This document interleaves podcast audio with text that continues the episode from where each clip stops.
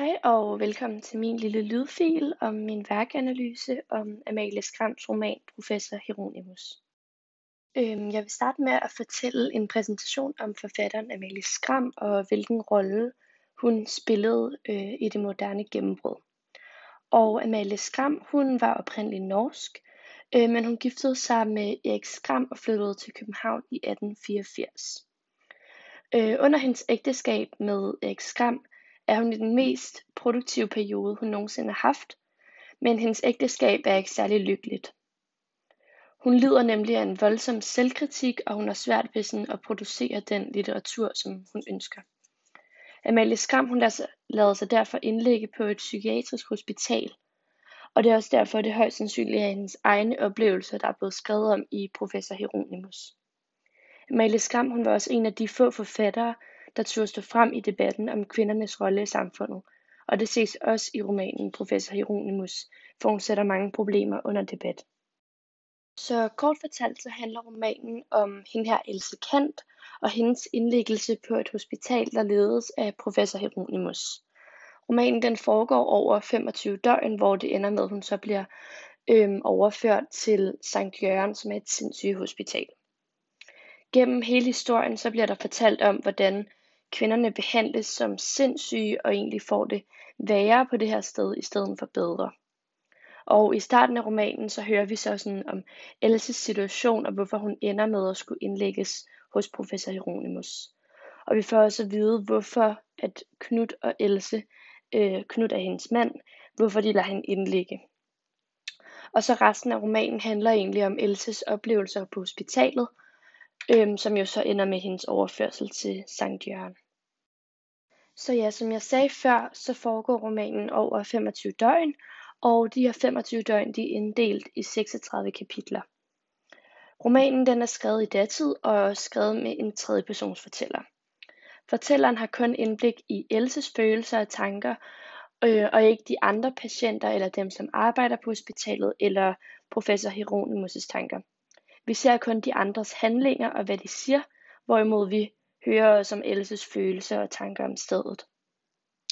Derudover så starter romanen også i en medias res, og man bliver kastet direkte ind i Elses frustrationer over hendes maleri. Så romanens hovedperson hedder Else Kant, og hun er gift med Knud, og så sammen har de sønnen Tage. Else hun er både mor og hustru og kunstner, men hun har ikke overskud til det hele. Hun lider nemlig af ekstrem søvnløshed, og hun har vrangforestillinger, selvmordstanker og nok også en depression. Det er ret tydeligt for læseren, at Else hun er syg. Fordi Else påstår for eksempel, at Tage han hverken spiser eller sover. Men der ved vi, at hun tager fejl, fordi der er tidligere blevet beskrevet, at han både spiser og sover. Så Elses virkelighedsopfattelse er forvrænget. Else ved også godt selv, at hun har brug for hjælp, og det bliver også endnu tydeligere, da hun en nat drømmer, at Knud dør. Derfor så lader hun sig selv indlægge, indlægge hos professor Hieronymus. Det er dog Elses mand Knud, der først startede med at tage kontakten til Hieronymus. Knud vil nemlig Else det bedste, og han kan se, at hun har det rigtig svært, og hun lider. Øhm, Else hun har også meget svært ved at tale med Knud om hendes sind og tanker, fordi hun oftest bare bliver beordret i seng af ham. Knud han ved nemlig ikke helt, hvordan han skal hjælpe Else, og derfor så tager han også kontakten til Hieronymus. Han har tidligere nemlig prøvet at snakke med deres huslæge Tvede, øh, som egentlig bare gav dem råd om, at Else skulle få sig noget mere søvn. Han har ingen, Knud har ingen ond mening i, at Else bliver indlagt. Han gør det udelukkende for at hjælpe hende. Inden Elses øh, indlæggelse, der havde hun rigtig stor respekt for ham her, professor Hieronymus. Hun havde nemlig hørt rigtig godt om ham. Øh, og det er også derfor, hun lader sig indlægge af sig selv.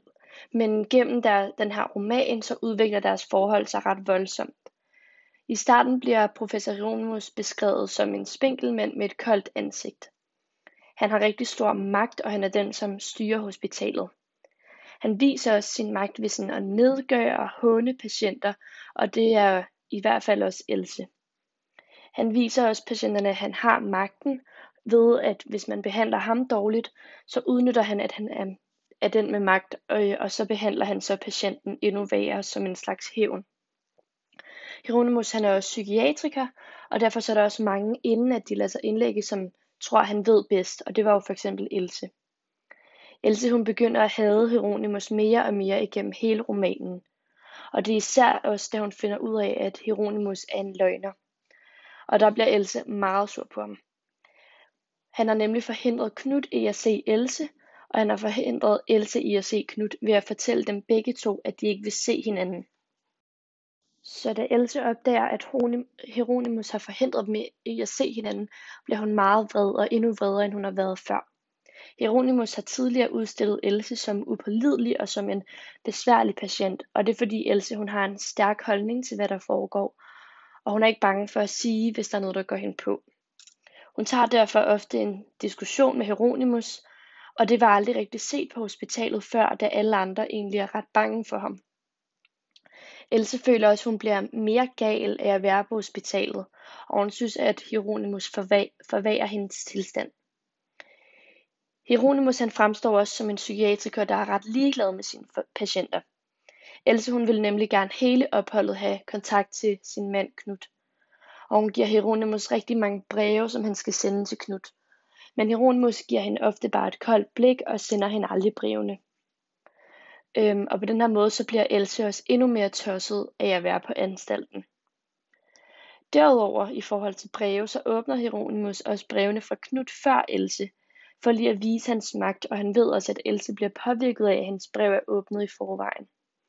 Derudover så skriver Knud også hans breve, sådan så at Hieronymus ikke vil tage dem fra ham, hvis han skriver noget alvorligt, som Else nok ikke må høre. Øh, Hieronymus han er også meget håndelig over for Else, og alt det her, der er sket på alle Elses dage, øh, viser virkelig også hendes vrede til sidst, øh, hvor Else hun skriver et brev til Hieronymus, hvor alt hendes foragt kommer ud, og hun slutter brevet med at skrive, at hun lover, at når hun kommer ud derfra, skulle professoren drages til ansvar for sin færd mod hende. Og så skriver hun under på brevet med, fra deres oprigtige fjende Else Kant. Så hospitalet bærer ret tydeligt præg af sådan en hierarkisk øh, struktur, hvor Hieronymus selvfølgelig er øverst, derunder er der reservelægerne, dernæst sygeplejerskerne og allernederst så alle de syge patienter. Derfor så er sygeplejerskerne på hospitalet jo også underlagt Hieronymus' magt. Og de forventes at udvise lydighed mod Hieronymus, og de udfører uden tøven Hieronymus' ordre, og de stoler ligesom på hans dømmekraft, selvom de nok godt inderst inden kan se, at der er noget lidt galt. Øhm, dog ses Hieronymus' magt også imod dem. Det ses for eksempel, da frøken Sunesen, for, Sunesen fortæller, at hun har stor respekt for Hieronymus, men da Else så spørger hende, om hun synes, at han er ond imod andre, så svarer frøken Sunesen, ond mod dem han ikke kan lide. Hun vender og drejer på ordene. Nej, men han er så streng. Åh, så streng, så streng. Jeg skælver af angst, når han viser sig på gangen. Jeg skælver en hel time i forvejen, for jeg er bange for, at alt ikke er, som det skal være. Og det her citat, det ses ved cirka 2 timer og 16 minutter. Og det er endnu et tegn på professorens magt. Miljøet på hospitalet er også meget hårdt, og de fleste de frygter Hieronymus, også sygeplejerskerne. Øh, sygeplejerskerne skal jo have alt til at være, som det skal være, ellers så bruger Hieronymus også sin magt over for dem. Dog så kan de godt lide deres arbejde, som frøken Sunsen har fortalt til øh, Else. Øh, men for patienter som Else øh, så er hospitalet som et fængsel for dem, og det er både fysisk og psykisk. Else hun beskriver sit værelse som et rum med en jernseng og et natbord og intet ellers. Derudover så er der ekstremt meget larm fra de andre værelser, så det er umuligt for Else at få søvn, og hun lider stadig af sin søvnløshed.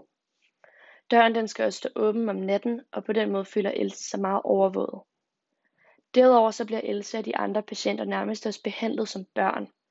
Else hun er jo blevet lidt umyndiggjort øh, ved sin indlæggelse, hvilket også set i, ses i personalets opførsel over for Else.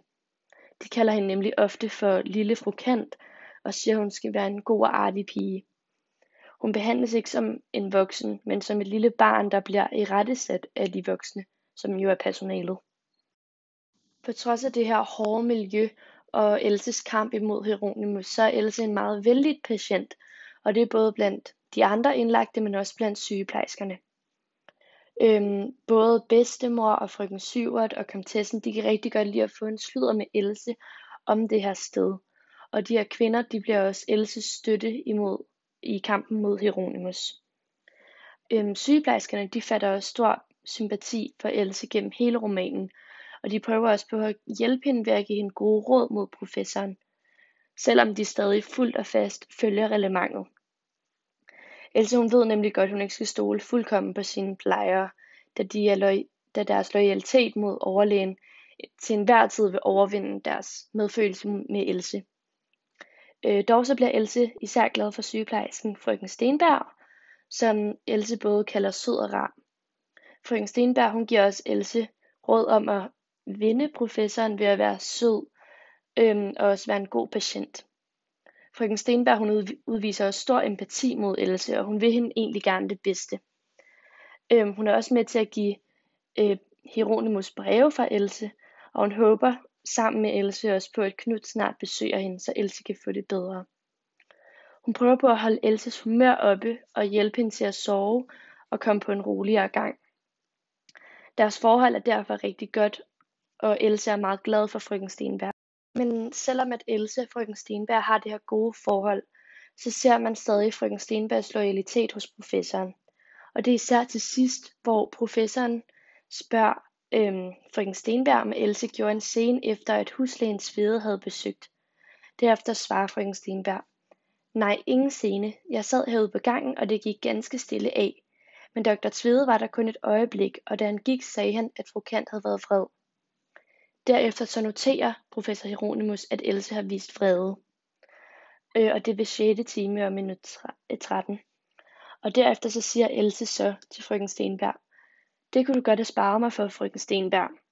Og frøken Stenberg svarer, Dr. Bede Dr. Tvede bad mig om at sige det, så det er jeg nødt til at gøre. Så selvom deres forhold er rigtig godt, så bliver frøken Stenberg stadig nødt til at følge de her regler. Det er ret tydeligt, at Amalie Skram i den her roman prøver på at sætte problemer under debat, og det med temaer såsom magt øhm, og ligestilling.